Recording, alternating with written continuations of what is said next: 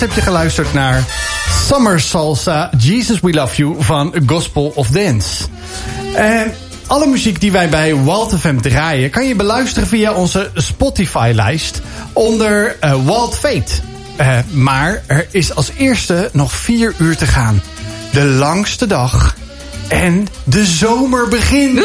Yeah. Maar eerst nog twee uur Wild Fate met Marije rechts van mij en Ari de Rover links van mij. Welkom allebei. Dankjewel. Hoe gaat het afgelopen week met die hitte jullie af? Ik ben heel benieuwd.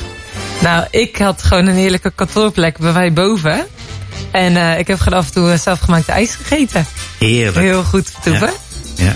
Goed plan. Goed en jij, Adi, hoe was het voor jou? Ja, de plek waar ik mag werken, ja, daar hangt ook een airco. Dus het was heerlijk om op mijn werk te zijn. en een crime om weer naar huis te moeten. Juist, juist, juist. Ja. Luistert je vrouw ook mee vanavond? Of, uh... Als het goed is wel. Dus dat wordt, uh, dat wordt peentjes zweten om ook weer thuis te komen. Ja, Kijk eens aan. En uh, ja, vandaag is natuurlijk eigenlijk ook een, misschien een commercieel gezien, een commerciële dag, vaderdag. Ik wil mijn dochters hartstikke bedanken voor de leuke lunch en de mooie cadeaus die ik heb gekregen. En uiteraard ook onder beziende leiding van mij geweldige echtgenoten. Hebben jullie daar nog iets aan gedaan vandaag? Arie? Ja, ontvangen. Ik ben gisteren zelf bij mijn eigen vader geweest. 90 jaar. Heel bijzonder dat hij er nog is. Een, wow. uh, een breekbare gezondheid, maar hij is er nog. En ik ben zowel gisteravond als vandaag door uh, onze kinderen buitengewoon in het zonnetje gezet. Ah, ja, heel goed. Ja. En uh, Marije? Ja, ik ben geen vader, maar nee, ik heb er wel eentje. dochter. Dat klopt, ja. En wij hebben de mooie, het mooie gebruik om elk jaar samen een dagje uit te gaan. Kijk. Dus uh, mijn vader is eigen ondernemer en die was altijd heel druk. En als we elkaar zagen was iedereen er altijd bij. Super gezellig. Echt altijd veel reuring bij ons bij het gezin. En ik dacht, weet je, als ik af en toe een dag met mijn vader wil genieten... en zijn wijsheid en gewoon zijn gezelschap te hebben... dan neem ik hem gewoon elk jaar een dag mee uit. Heel goed plan. Ja, ik, uh, mijn vader die zegt altijd van... ik vind het altijd een beetje commercieel gedoe... maar uh, ik heb een heel mooi bericht hem gestuurd. Dat was ook echt van harte gegund. En hij heeft, zag ik eventjes met mijn, een van mijn zussen... heerlijk ijsje gegeten in, in de stad vandaag... om een beetje bij te komen. Dus ik uh, ja, gun hem ook een mooie vaderdag natuurlijk toe. Ja, wie weet uh, ja, zeg je wel van vaderdag, ik heb er niks mee. Nou, ik hoop eigenlijk dat we vanavond ook ontdekken, samen met Arie... Ja, hoe kostbaar eigenlijk uh, ja, ouderschap en misschien wel een bijzonder vaderschap is. Ja. Dus ik ben heel benieuwd waar hij ons mee gaat nemen vanavond. Maar ook het tweede uur met Rob van Rossum en François Mijnsbergen. Die staat natuurlijk gewoon ook in de planning. Maar als eerste gaan we luisteren naar Dance to It van Sarah Reeves. Thank you.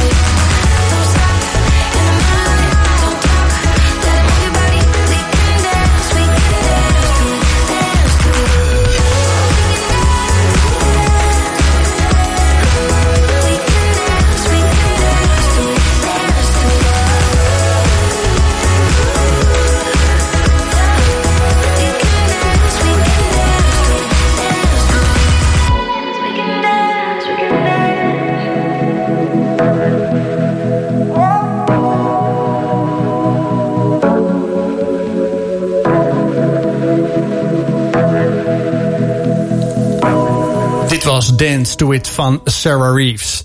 Nou ja, we zijn hier natuurlijk met ons uh, nieuwe uur, met ons nieuwe blok van Wild Fate. Met uh, Arie erover als gast. Heb je nou vanavond uh, een vraag aan Arie? Of wil je gewoon laten weten wat je van ons programma vindt? Waar je het zit te luisteren? Daar zijn wij erg nieuwsgierig naar. Dus wij zeggen altijd vooral, laat het ons eventjes weten via de, de studio WhatsApp. Die staat hier gelijk ook voor me. Als je meekijkt via bijvoorbeeld United 7. nou ja, laat het ons even weten via 06 39 39 2050. 06 39 39 2050. En dan kan je hier ter plekke je vraag stellen. Die, die haak ik ook gewoon op in. Dus op het moment dat er hier uh, wat binnenkomt, dan ga ik dat ook gewoon aan Arie stellen of aan ons stellen. Uh, durf je het nou niet, kan het ook achteraf uh, via, de, via de socials of ja, via studio.twr.nl. Daar kan je ook altijd nog je vraag stellen achteraf. Maar wees vooral vrij en open en luister ook gewoon. Geniet van deze avond. En ja, wij nemen je graag mee in ja, deze avond. Marije, waar gaan wij vanavond ook met elkaar over praten? Ja, vanavond zit Arie Drovi ons in de studio. Uh, we go way back. Inmiddels denk ik, uh, we hadden net even zitten rekenen, zo'n 12, 13 jaar geleden. Ja. Uh, zat ik een keer bij Arie in de praktijk en raakte aan de praat. En was ik aan het verhalen, een beetje gedeelde passie die we hadden voor de regio waar we allebei in wonen.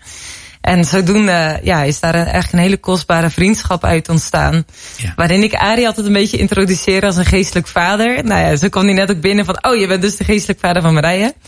Maar uh, dat is echt een bijzondere man. Dus ik vind het heel erg mooi om Arie ook uh, voor te stellen vanavond hier op de radio. En gewoon een stukje van zijn wijsheid ja, te mogen delen aan uh, iedereen die luistert. Dus, Dankjewel. Ja. De, de druk is groot. ja, Arie, je bent spreker. Ja. Je bent coach. Uh, je hebt uh, een boek geschreven. Het tweede boek dat gaat einde van het jaar uh, uitkomen of in het najaar uitkomen. Er zit aardig wat druk op van de uitgever. Die zegt, Arie, dat tweede boek mag er komen. Ja. je bent ooit als chemicus, in ieder geval deed je allemaal het laboratoriumwerk? Medisch analist. Medisch analist. Ja. Dus ik heb in, in het ziekenhuis gewerkt. Ja.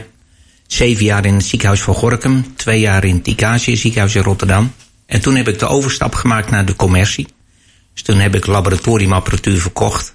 En uh, dat was een hele steile carrière. Ja, prachtige jaren gehad.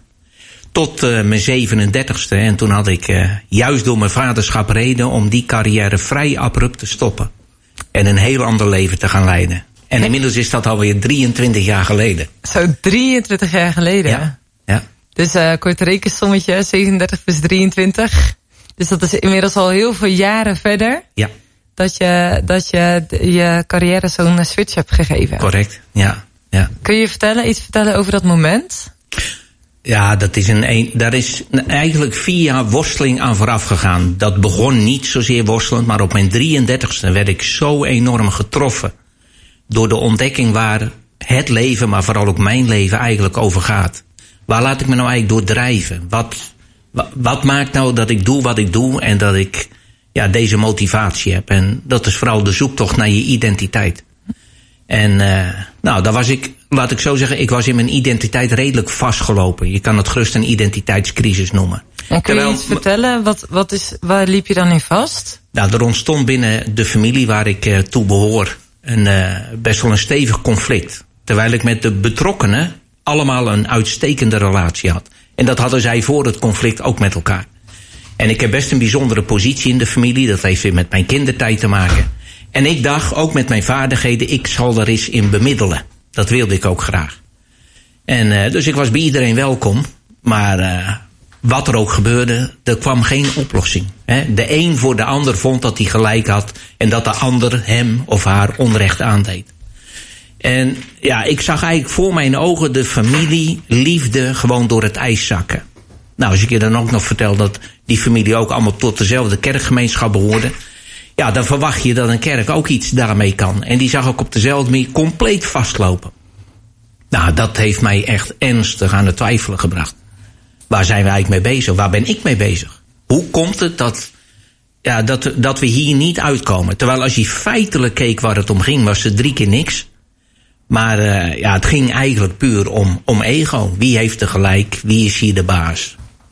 En ik kwam mezelf ook niet uit. En toen werd ik getroffen door een interview met een, uh, een predikant uit Amerika, New York. En ik werkte inmiddels bij een Amerikaans bedrijf. En in dat interview stond één zinnetje wat me zo verschrikkelijk trof. Namelijk, er stond het evangelie, dus dat waar de Bijbel over gaat, kan een mens diepgaand veranderen. En toen dacht ik, nou, dat wil ik dan wel eens weten. Want mij heeft het niet veranderd, terwijl ik ben ermee opgegroeid. Die hele club om me heen is er niet door veranderd. En de week erop zat ik in New York. Ik moest daar zijn voor zaken. En daar ben ik binnengestapt. En nou, daar heb ik een toespraak gehoord wat dan in kerkelijke taal een preek wordt. Ah, dat heeft mijn leven zo ontstellend ja, op zijn kop gezet. Dat trof me zo enorm. En uh, nou, toen ben ik echt ontdekt aan mijn identiteitsworsteling. Dat heeft vier jaar doorgewerkt. Dus mijn carrière nam een enorme vlucht. Ja, want je zei die ladder was heel Och, stijl. man. Och, en het werd steeds internationaler. Dus ik, ik, ik vloog veel. Ik, ik werkte veel in het buitenland. Maar thuis had ik inmiddels een prachtig gezinnetje. Joke, mijn vrouw, vier kinderen. Maar ik voelde steeds meer, jongens, dit wil ik niet. Ik, ik wil op een andere manier mijn leven vullen. Ik, ik, ik weet nu wat de zin van het leven zou moeten zijn. Wat loop ik nu nog na te jagen? Voelde je dat, de gejaagdheid? Want ik probeer een beetje voor te stellen van... Hey, hoe voelde je dan zeg maar in die vier jaar worsteling van je 33ste tot je 37ste? Ja, ja. En die gejaagdheid, je, je had een fantastische carrière. Ja. En ja. heel de wereld stond voor je open. Je werkte Ja. internationaal. Dus eigenlijk de droom van elke dertiger die denkt... Ook van ja, mij. Dat Ja, was zeg altijd- maar echt zo'n carrière waarvan je echt denkt van... Ja, dat is gewoon... Je hebt gewoon een gespreid bedje. Gewoon alles, Marije, ik was ervoor geknipt. is er. Ik was er ook echt voor geknipt. Het past perfect bij mijn talenten. Ik was toen ook al een mensenmens. Dus als internationaal manager had ik overal gewoon goede contacten. Ik was er echt voor geknipt. Het zat niet zozeer in de gejaagdheid, maar ik kreeg steeds meer moeite met hoe ik vader was. Misschien ook wel door dat familieconflict waar mijn eigen vader en mijn broer bij betrokken was. En, eh, en toen dacht ik, wil ik zo vader zijn? Dus elke keer als ik mijn koffer weer pakte om weg te gaan, Ah. en dat was steeds regelmatiger, was ik in tranen. Ja, joh. Hè? Joke niet, die kon er echt goed tegen. Ja. Mijn kinderen zeggen nu nog, ja pap, wij hebben er nooit moeite mee gehad. Ik kwam ook met de mooiste cadeaus natuurlijk thuis. Als ik, maar eigenlijk kocht ik daar mijn schuldgevoel Ah, mee af. Dus ik, ik begon echt last te krijgen met mijn vaderschap. Terwijl carrière technisch, ja, was het goud wat er blonk. Nou, en toen kregen wij op ons 37e, Joke en ik, tegen, naar onze optiek, alle natuurwetten in, nog een kindje. Ja, en dat kreeg je te horen toen je op zakenreis was. ik was in Kuala Lumpur. Ja, ik belde op een zondag. Het was moederdag trouwens. Ik belde op een zondag Joke. Ik belde haar elke dag hoe het was. En ik wist dat er reden was dat ze naar de dokter zou moeten. Want, nou ja, het ging niet helemaal zoals het was. En toen gaf ik als advies, want ik kwam uit de medische wereld. Nou, voordat je nou naar de huisarts gaat, doe dan eerst een zwangerschapstest. Want dan kun je tegen hem zeggen dat dat in ieder geval negatief is. Ja. En ik bel zondags, dat weekend zou ze het doen. En toen zei ze, ik heb echt eh, ja, indringend nieuws. Ja, we zijn zwanger. En dat is natuurlijk op zich, hè, ik bedoel, als ik erop terugkijk, ook wat voor een prachtige zoon we hebben gekregen toen. Hij is het het geweldigste nieuws. Maar in mijn worsteling was dat wat overkomt me nu. Nou worstel ik steeds meer met mijn vaderschap. Nou moet ik vader worden nog een keer. We hadden er echt niet meer op gerekend. Helemaal niet meer. En, en nou ja, dit was natuurlijk de ultieme worsteling. Nou, daar heb ik een week lang echt extreem geworsteld met mezelf. Ja, ik heb van pure ellende soms gewoon echt op de grond liggen kreunen.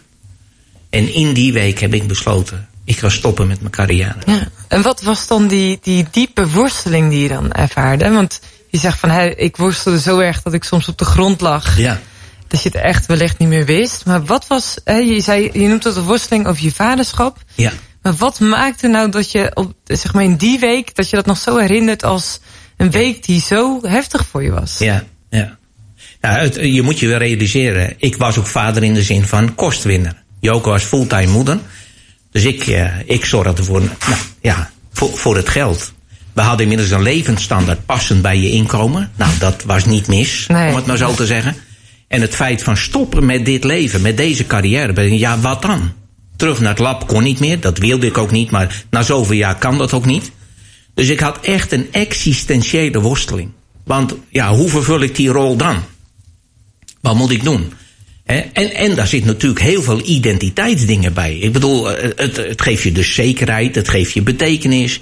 Je status zit eraan vast. Ja, de auto Nou, die je rijdt, het Ach, geld man. wat je verdient, eh, de internationale reizen Ik werkte die bij een. Amerikaans bedrijf die mij jaarlijks beloonde met gigantisch veel opties. Nou, voor degenen die daar een beetje verstand van hebben. In Amerika zijn opties eigenlijk een soort pensioenvoorziening. Die kun je alleen maar, als je bij het bedrijf blijft, kun je die verzilveren. Nou, toen ik dus besloten had om weg te gaan, ik heb een kapitaal laten zitten aan geld. Ja, nou, dat speelt enorm in de worsteling. Dus aan de ene kant wil je thuis zijn en aan de andere kant heb je het gevoel, ja, maar ik heb ook een andere rol te vervullen. En toch, en toch ja, ben ik zo ver gekomen. Op basis eigenlijk van, ja, je zou kunnen zeggen, een, een, een- kreet, een soort hartekreet vanuit de Bijbel zelf. Die had voor mij trouwens ook een compleet andere betekenis gekregen. Door de verandering die ik op mijn 33ste meemaakte. Ik ben er als kind mee opgegroeid, maar dat, dat, dat is volstrekt, volstrekt veranderd. Wat was die kreet? Dat was een tekst, je vindt hem in een Bijbelboek en, da- en staat dit. Dat een beetje de vertaling in die tijd. Hè. Laat je wijze van doen, dus de manier waarop je werkt, onbaatzuchtig zijn. Dus doe het niet voor het geld. Wees tevreden met wat je hebt. Want, zegt God, ik heb gezegd, ik zal je nooit verlaten, ik zal je nooit in de steek laten. Dus kan ik vol vertrouwen zeggen, de Heer is mijn helper, ik heb niets te vrezen, wat zouden mensen mij kunnen doen? En dan beslis je dus om Ik heb eigenlijk mezelf stekker uit aangekeken, je Marije, in de spiegel. Daar op de hotel. Ik zie me nog staan. Ik had mijn koffer gepakt om weer naar huis te vliegen. We zitten aan het eind van twee weken dat ik daar moest zitten. Ik kijk mezelf aan. Ik heb gezegd, Arie erover, nou kies je. Of het is waar wat je hier leest. En dan ga je dat nu uitleven. Of je stopt met dat hele geloof. Maar niet meer dat 50-50 gedoe. Of je zet je hele vertrouwen hierop. Of je kapt ermee. Nou, en toen ben ik naar huis gevlogen. Toen heb ik tegen Joker gezegd: ik ga stoppen met eh, dit werk. En ja, die zei: Ja, Arie, dit is jouw worsteling. Ik vertrouw je. We hebben trouw beloofd in goede en in kwade dagen. Nou, we zien het wel. We gaan ervoor. Nou, toen ben ik eh, ja, een heel ander pad opgegaan. Daar gaan we het straks over hebben. Ik zit al op het puntje van mijn stoel. Gewoon hoe je vertelt over die worsteling. Gewoon wat je allemaal daarin meegemaakt hebt. En ook die grote keuze. Want het was een hele grote keuze. Ga je voor die ladder met carrière. Met zoveel nou ja, bonussen en mogelijkheden ook voor je oude dag. Of kies je ervoor om gewoon ja, een totale switch te maken in je carrière. En een ander leven na te gaan leven. Ja, en ik denk, eh nogmaals, eh, heb je vragen aan Ali van waarom dan en hoe dan en hoe zit dat dan? Ja, vraag gewoon je, doe je, je vraag nu stellen. Via de socials of via onze, onze WhatsApp in de studio 063939 2050. Wij gaan even luisteren naar Father's House van Rijer.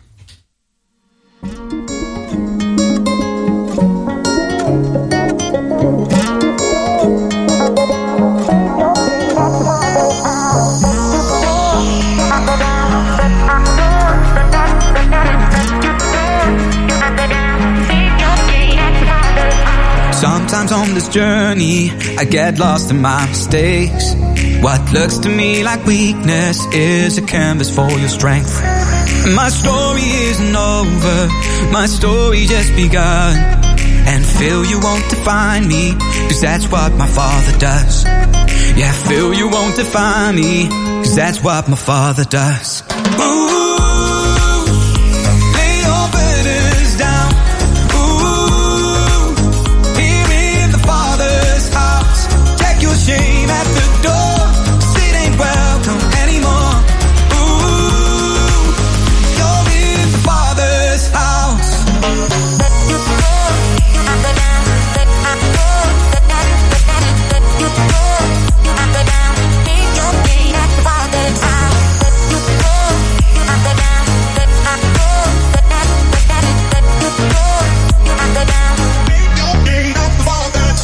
Arrival's not the end game, the journey's where you are.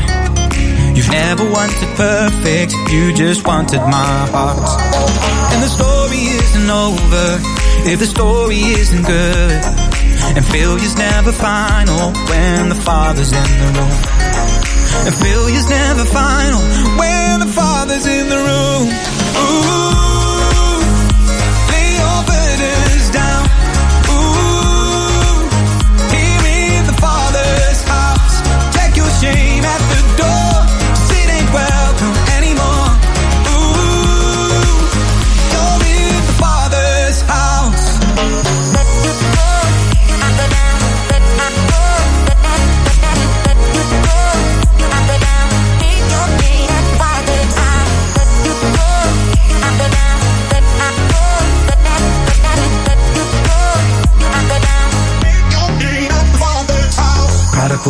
home. The helpless find hope. Love is on the move when the father's in the room. Prison doors swing wide. The dead come to life. Love is on the move when the father's in the room. Miracles take place. The cynical faith. Love is breaking through when the father's in the room.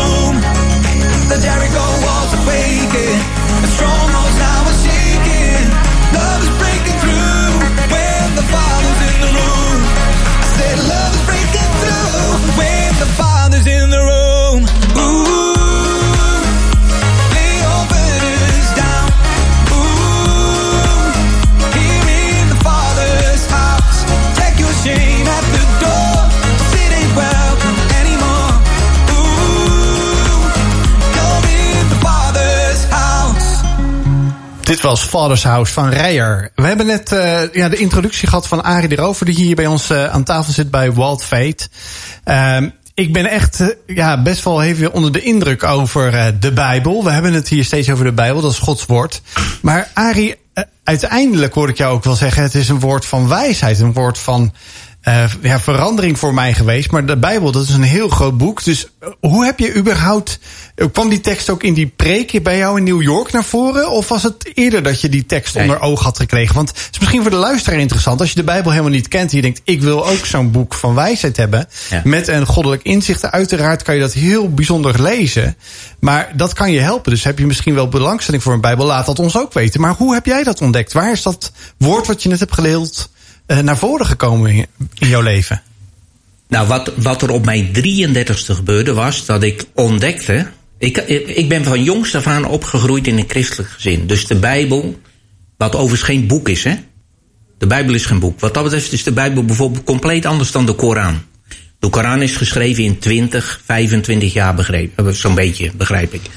Maar de Bijbel bestaat uit 66 losse boeken. Bijbel betekent ook bibliotheek. En die bestrijken met elkaar duizenden jaren. En als je er als kind mee opgroeit, dan, ik zeg het altijd zo, dan leer je de Bijbel en God een beetje op gedragsniveau kennen. Dus je denkt dat het over goed en fout gaat. En dat bepaalt wie je bent in de ogen van God. Als ik nou maar goed mijn best doe, of geen foute dingen doe, dan val ik wel bij hem in het mandje. Ah, daar gaat, nee, daar gaat de Bijbel niet over. De Bijbel gaat over wie je bent. Ongeacht wat je doet. De Bijbel is een identiteitsboek. En dat overkwam me op mijn 33ste. Omdat ik nou ja, door die preek ontdekte dat het ook in mijn leven niet om gedrag gaat, maar over wie ik eigenlijk ben. Ik word gedreven door een identiteitsbehoefte. Trouwens, elke luisteraar wordt daar ook door gedreven. Dus het maakt helemaal niet uit of je religieus bent opgegroeid. Wij, wij zijn geboren, zou je kunnen zeggen, met een intern, diep gemotiveerd verlangen naar betekenis, naar zekerheid, naar zin, naar eigenlijk een gelukkig leven. Dat drijft ons voort. Nou, daar gaat de Bijbel ook over. En het normale leven is dat jouw zingeving en wie je bent vooral bepaald wordt door wat je doet. Of wat je juist niet doet. Zo groei je ook vaak op bij je vader en je moeder. Het is vandaag vaderdag. Nou, vaders horen heel bevestigend te zijn in wie je bent. En heel veel vaders laten dat afhangen van de prestaties van hun kinderen. Wat, wat, wat je dus doet opgroeien, dat jouw waarde wordt bepaald door wat je presteert of juist waarin je faalt. Nou, en dan komt het unieke karakter van wie God is. En daar gaat de Bijbel over. Kun je eens vertellen wat God dan kenmerkt daarin? Wat, is dan, wat, wat kenmerkt hen dan als je zegt van het is niet van nee, je doet het goed, dus je wordt beloond. Ja. Maar wat is, dan, wat is dan Gods houding richting ons als mensen? Als je zegt van de Bijbel gaat juist over jou, over je verlangens, over je Ja. identiteit. Wat, wat, wat is dan echt de boodschap? Nou, allereerst wil ik dan zeggen, God manifesteert zich op een grandioze manier als vader. Zo wordt hij ook echt in de Bijbel gepresenteerd. Met name natuurlijk door Jezus. Jezus is, zou je kunnen zeggen, het kernachtige element van die 66 losse geschriften.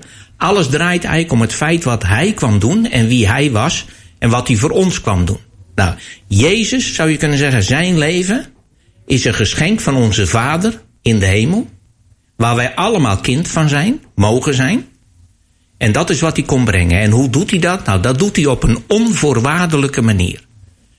Dus dat jij je kind van God mag noemen, daar hoef jij niets voor te doen, behalve, en hier komt hij, en dat is het moeilijkste, je moet het durven geloven. Ja. Je moet erop durven vertrouwen. Nou, nou raakt misschien veel luisteraars al. Als jij een onveilige vader hebt gehad. Of een hele moraliserende vader. Eentje die de lat heel hoog lag. Dan is een vader eerder onveilig. Soms zelfs een bedreiging. Omdat hij misschien wel zwaar sanctioneerde. Dan, dan dat je met al je shit en je narigheid naar hem toe holt. Maar die laatste, dat is nou God. God accepteert ons onvoorwaardelijk. Hij legt de voorwaarden niet op ons omdat hij het allerliefst wil dat we hem gaan vertrouwen. En de voorwaarden die hij daar wel op stelt, nou dat heeft hij op zijn enige geboren zoon, Jezus, gelegd. Dus het is een ontroerend diep verhaal. Je zou kunnen zeggen, ik heb het meest kostbare paspoort gekregen ooit. Ik mag me burger noemen van een koninkrijk waar ik niet eerst door een IND hoef moet. Hè? Of, of allerlei uh, inburgeringsexamens moet doen. Nee, ik moet geloven dat ik het waard ben, door hem, om daar burger van te, om hem papa te noemen. God is voor mij ook echt een papa. Zo noem ik hem ook. Dus er is ook geen afstand? Totaal niet. De enige afstand die, die er mogelijk is, creëer je zelf. Door angst of doordat je denkt, nee, dat kan niet waar zijn. Dit is niet waar. Of simpelweg omdat je het niet gelooft. Want let op, je kan het niet zintuigelijk waarnemen. Hij is niet zo tastbaar als je aardse vader en moeder. Of al die andere mensen die iets van je vinden. Of je baas, of je partner, of nou, je kinderen, of je ouders. Nee, je moet het echt durven geloven.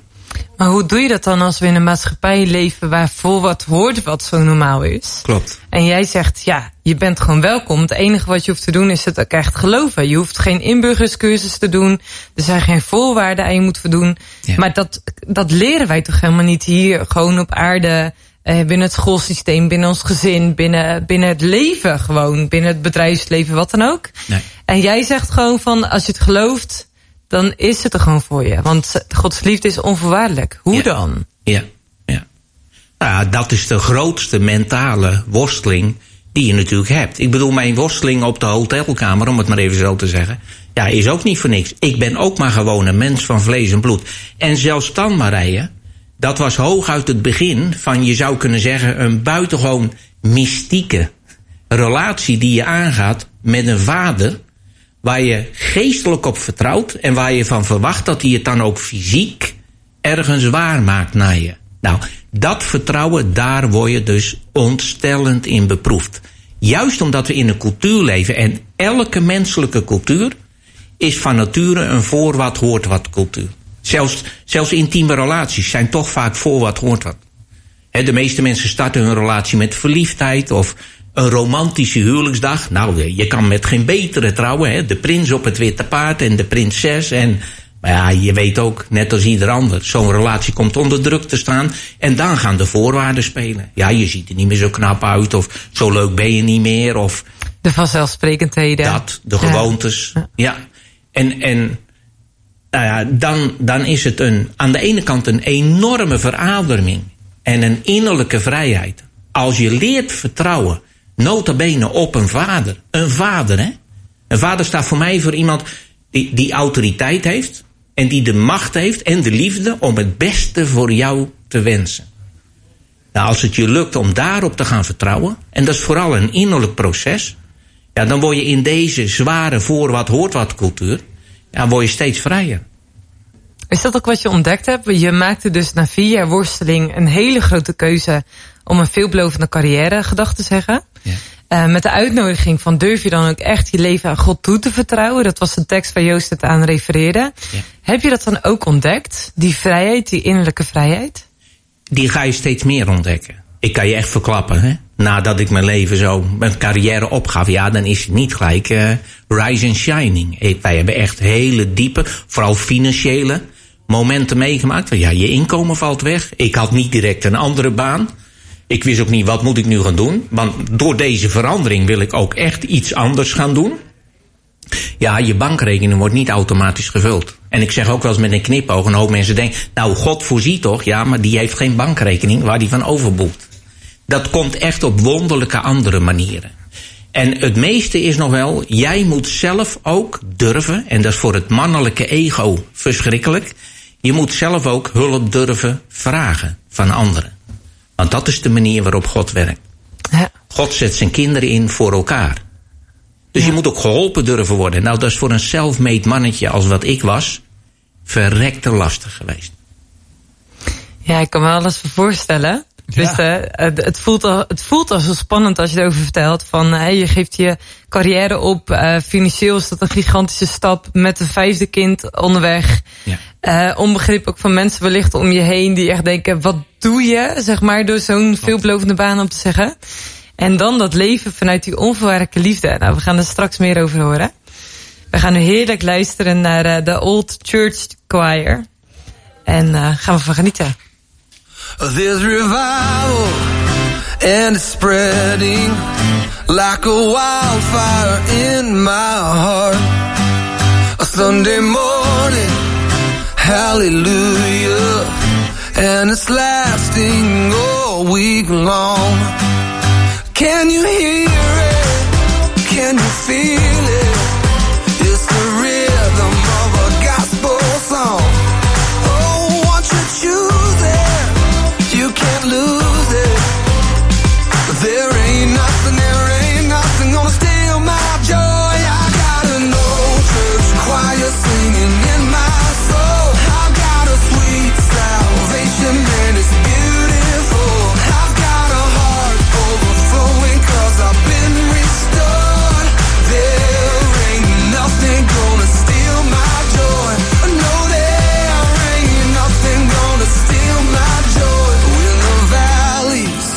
that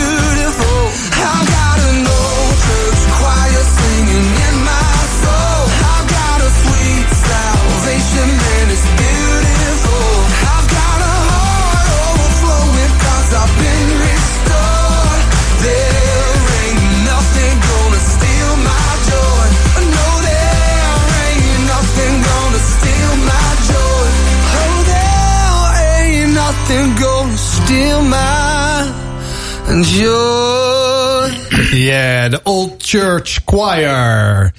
Nou, we hebben hier eh, aan tafel eh, bij eh, Walt Veet uh, Arie erover zitten. Hij introduceerde zich ook in het eerste blokje met onder andere boekenschrijver. Als ik mij niet vergis is het Leven na de genadeklap. Dat klopt. Is jouw titel van jouw boek, hè? Dat klopt. Nou, en als je Ja. dit al gesprekje al deels hebt eh, beluisterd of nog niet, of misschien wel straks eh, via de socials eh, terug gaat luisteren, dan kan je ook meer over dat verhaal horen. Maar een boek schrijven is ook vaak iets omdat je iets op je hart hebt, Arie. Ja. Om dat door te geven. Ja. Klopt Ja. dat?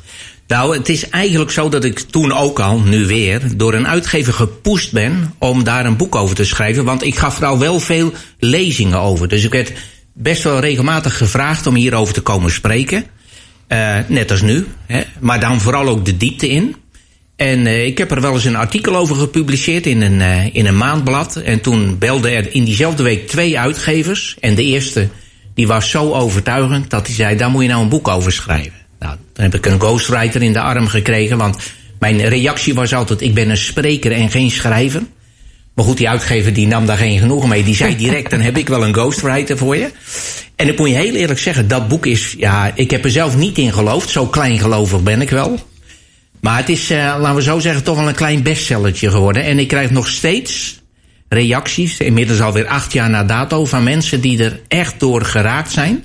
En waardoor een beetje hetzelfde gebeurde als met mij. Dat je een heel ander zicht krijgt op wie God is waar de Bijbel nou eigenlijk over gaat, maar nog belangrijker, wie jij nou eigenlijk bent en waar je in je leven mee bezig bent. Daar gaat dat boek over. Ja, want is het dan leven, komma, na de genadeklap? Of is het leven na de genadeklap? Nou, het is eigenlijk beide. Maar de titel is inderdaad zonder komma. Okay. Ja, het is, het is ook echt, ja, ik noem het wel eens met een duur woord. Als je één keer gaat ontdekken wat genade is voor jouw identiteit, dan maak je een paradigma shift mee. He, je krijgt echt ja, een, een andere kijk op het leven, op jezelf. En dus ook op alle krachten en patronen in dit leven. Ja. Want eigenlijk gaat het dus over, oké, okay, wat is het systeem van hoe dat je leeft? Ja. Gewoon wat geeft jou waarde, wat geeft jou zin, ja. wat geeft jou bevestiging, wat geeft jou liefde? En je zegt, als je echt liefde of de echt genade gaat ontdekken, ja. dan gaat er i, i, i, i in je hoofd. En denk je echt, huh, alles wat ik ooit dacht te kennen. Uh, waar heel mijn leven op gebaseerd is, dat wordt eigenlijk ondersteboven gezet naar iets nieuws. Ja, ja, ja en dat iets nieuws is echt ja, de ultieme vrijheid. Ja, dus je gaat echt op weg naar ultiem vrij leven. Ik vergelijk het in mijn boek met de volgende metafoor. Het is ook een biologische. Je, je leest direct dat ik een beetje uit de medische wereld kom. Ja. Ook wel een knipoog naar de vijfde zwangerschap. Ik vergelijk het met een kindje in de baarmoeder en een kindje na de geboorte allebei hebben zuurstof nodig. Hè? Dus uh, toen jij, Marije, in de baarmoeder zat, had jouw lichaampje zuurstof nodig. Ja. Nou, de ijzeren levenswet in de baarmoeder is dat je niet kan ademen. De zuurstof komt bij jou binnen via de uh, navelstreng en via de moederkoek van mama, de placenta. Ja. ja. En jouw afval gaat weer via die navelstreng naar je moeder toe. Dus je zit opgesloten en vast aan een moederlichaam. Nou komt het bijzondere, na de, ik moet er nog bij zeggen, zelfs je hart en je bloedsomloop is aangepast. Dat bekende gaatje in je hart, dat is nodig om in de baarmoeder dat rond te pompen. Want je longen functioneren nog niet. Nee. Die staan zelfs vol met vruchtwater. Dus als ze wel zouden functioneren, verdrink je zelfs. Dan komt de, de geboorte, de verlossing. Een term die in de Bijbel ook veel voorkomt. En dan kom je in een dimensie, daar moet je ademen. En dan moet de navelstreng zelfs doorgeknipt worden. En jouw gaatje in je hart gaat automatisch dicht. En je longen klappen open. En je krijgt een volledig zelfvoorzienend systeem. Zodat je zonder mama kan leven. Even fysiek. Mama heb je nog wel nodig. Mama, ja, ja, ja, maar niet maar je voor snapt wat ik bedoel. en, uh, en Nou. eten in de zin van... Uh, Precies. Nou, relationeel groeien wij in dit leven eigenlijk in zo'n baarmoeder op. Wij gebruiken de relaties voor onze identiteit. En die hebben we vaak nodig. Dat begint met je vader en moeder. Een kind is voor zijn, voor zijn zelfvertrouwen en zijn bevestiging volledig afhankelijk van papa en mama. En op het moment dat je gaat ontdekken dat er nog een veel grotere en alles overspannende vader is, dan moet je vaak ook wat op leeftijd zijn, relatierijp, om buiten je ouders ook relaties aan te kunnen gaan. En die ook nog eens onvoorwaardelijk van je houdt, een beetje vergelijkbaar met de zuurstof is overal. Ja, dan krijg je een bewegingsvrijheid die zijn weergaan niet kent. Omdat je een bron aanboort die niet meer afhankelijk is van wat jij presteert, die ook niet afhankelijk is van wat jij tot nu toe gedaan hebt, waar je geboren bent, wat je huidskleur is of wat je gender is. Hij wil jouw vader zijn. Ja, en als je beseft hoe kostbaar, hoe, hoeveel het hem gekost heeft om jou als kind te willen, je zou kunnen zeggen, hè, te adopteren. Ja, er is er niet één op aarde. Ik heb echt voortreffelijke ouders. Ze zijn op hoge leeftijd, zei ik al. Maar ze halen het niet bij hem. En Joke is echt een voortreffelijke vrouw voor mij. Maar ze haalt het echt niet ten opzichte van hem. En ik haal het ook niet voor Joke ten opzichte van hem. Nou, als je dat echt leert, ja, ik zou willen zeggen geestelijk leert ademen, ja, dan groei je zo in vrijheid. Stel je voor iemand luistert hè, en die denkt, Arie, die vrijheid waar jij het over hebt, daar verlang ik zo naar. Ja, ja. Ja, dat is mijn dagelijks werk, Marije. Ik ben counselor, coach. En ik, ik Ik begeleid vooral mensen, intensief en langdurig vaak, die juist op het gebied van hun identiteit ernstig beschadigd zijn. Vaak al op kinderleeftijd. Ah, die gun ik het ook zo. Dus ik snap dat als je dit hoort en je denkt, ja, wauw, ik zou willen dat, vooral als je in een zware achterstandspositie bent opgegroeid. Ja, ik gun het je van harte. Ja. En wat is dan de sleutel tot die vrijheid? Ja. Ja, met respect. Sleutel is denk ik niet het juiste woord. Het is groeien in dat vertrouwen. En ik moet je eerlijk zeggen, Marije, dan helpt het enorm als je iemand, het hoeft er maar één te zijn, die, die misschien daar ook al in gegroeid is. Die je dat voordoet. Maar die er ook voor jou is om dat te bevestigen. En, en je daar, eigenlijk is het geestelijk opgroeien. Hè? Ik, ik mag fysiek vader zijn.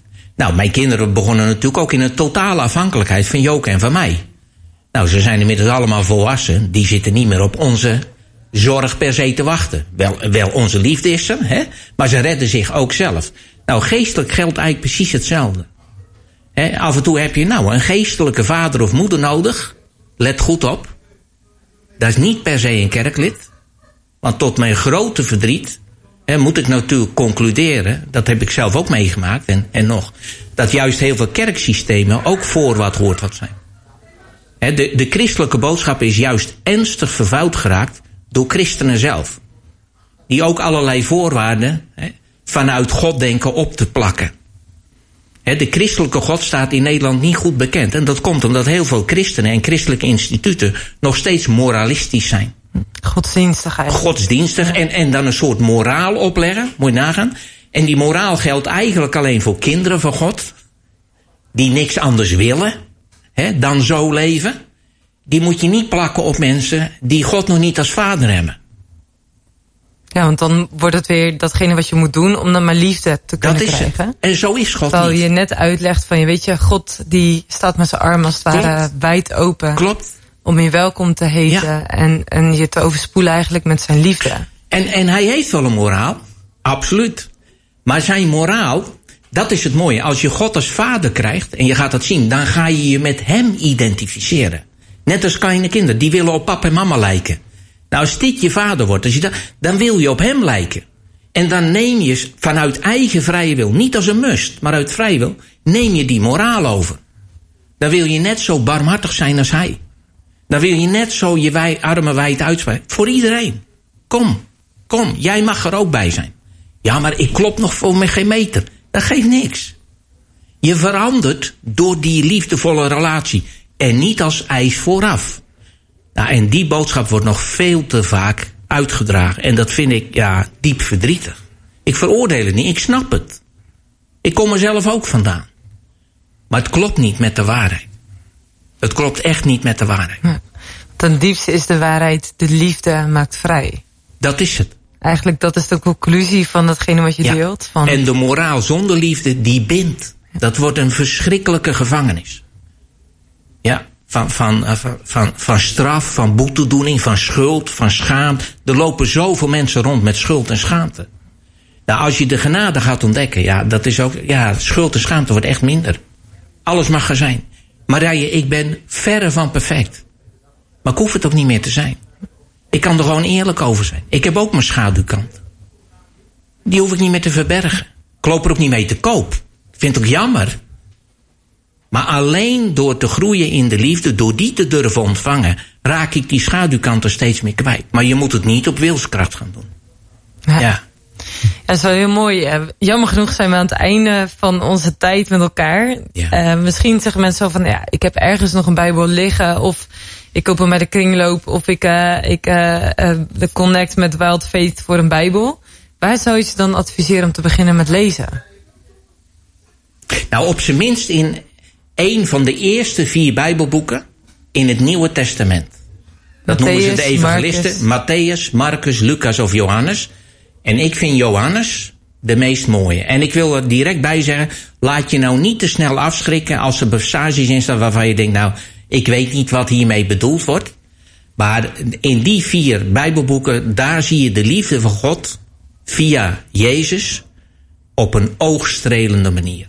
Ja, die, ja dat kan ik echt aanraden. Ja.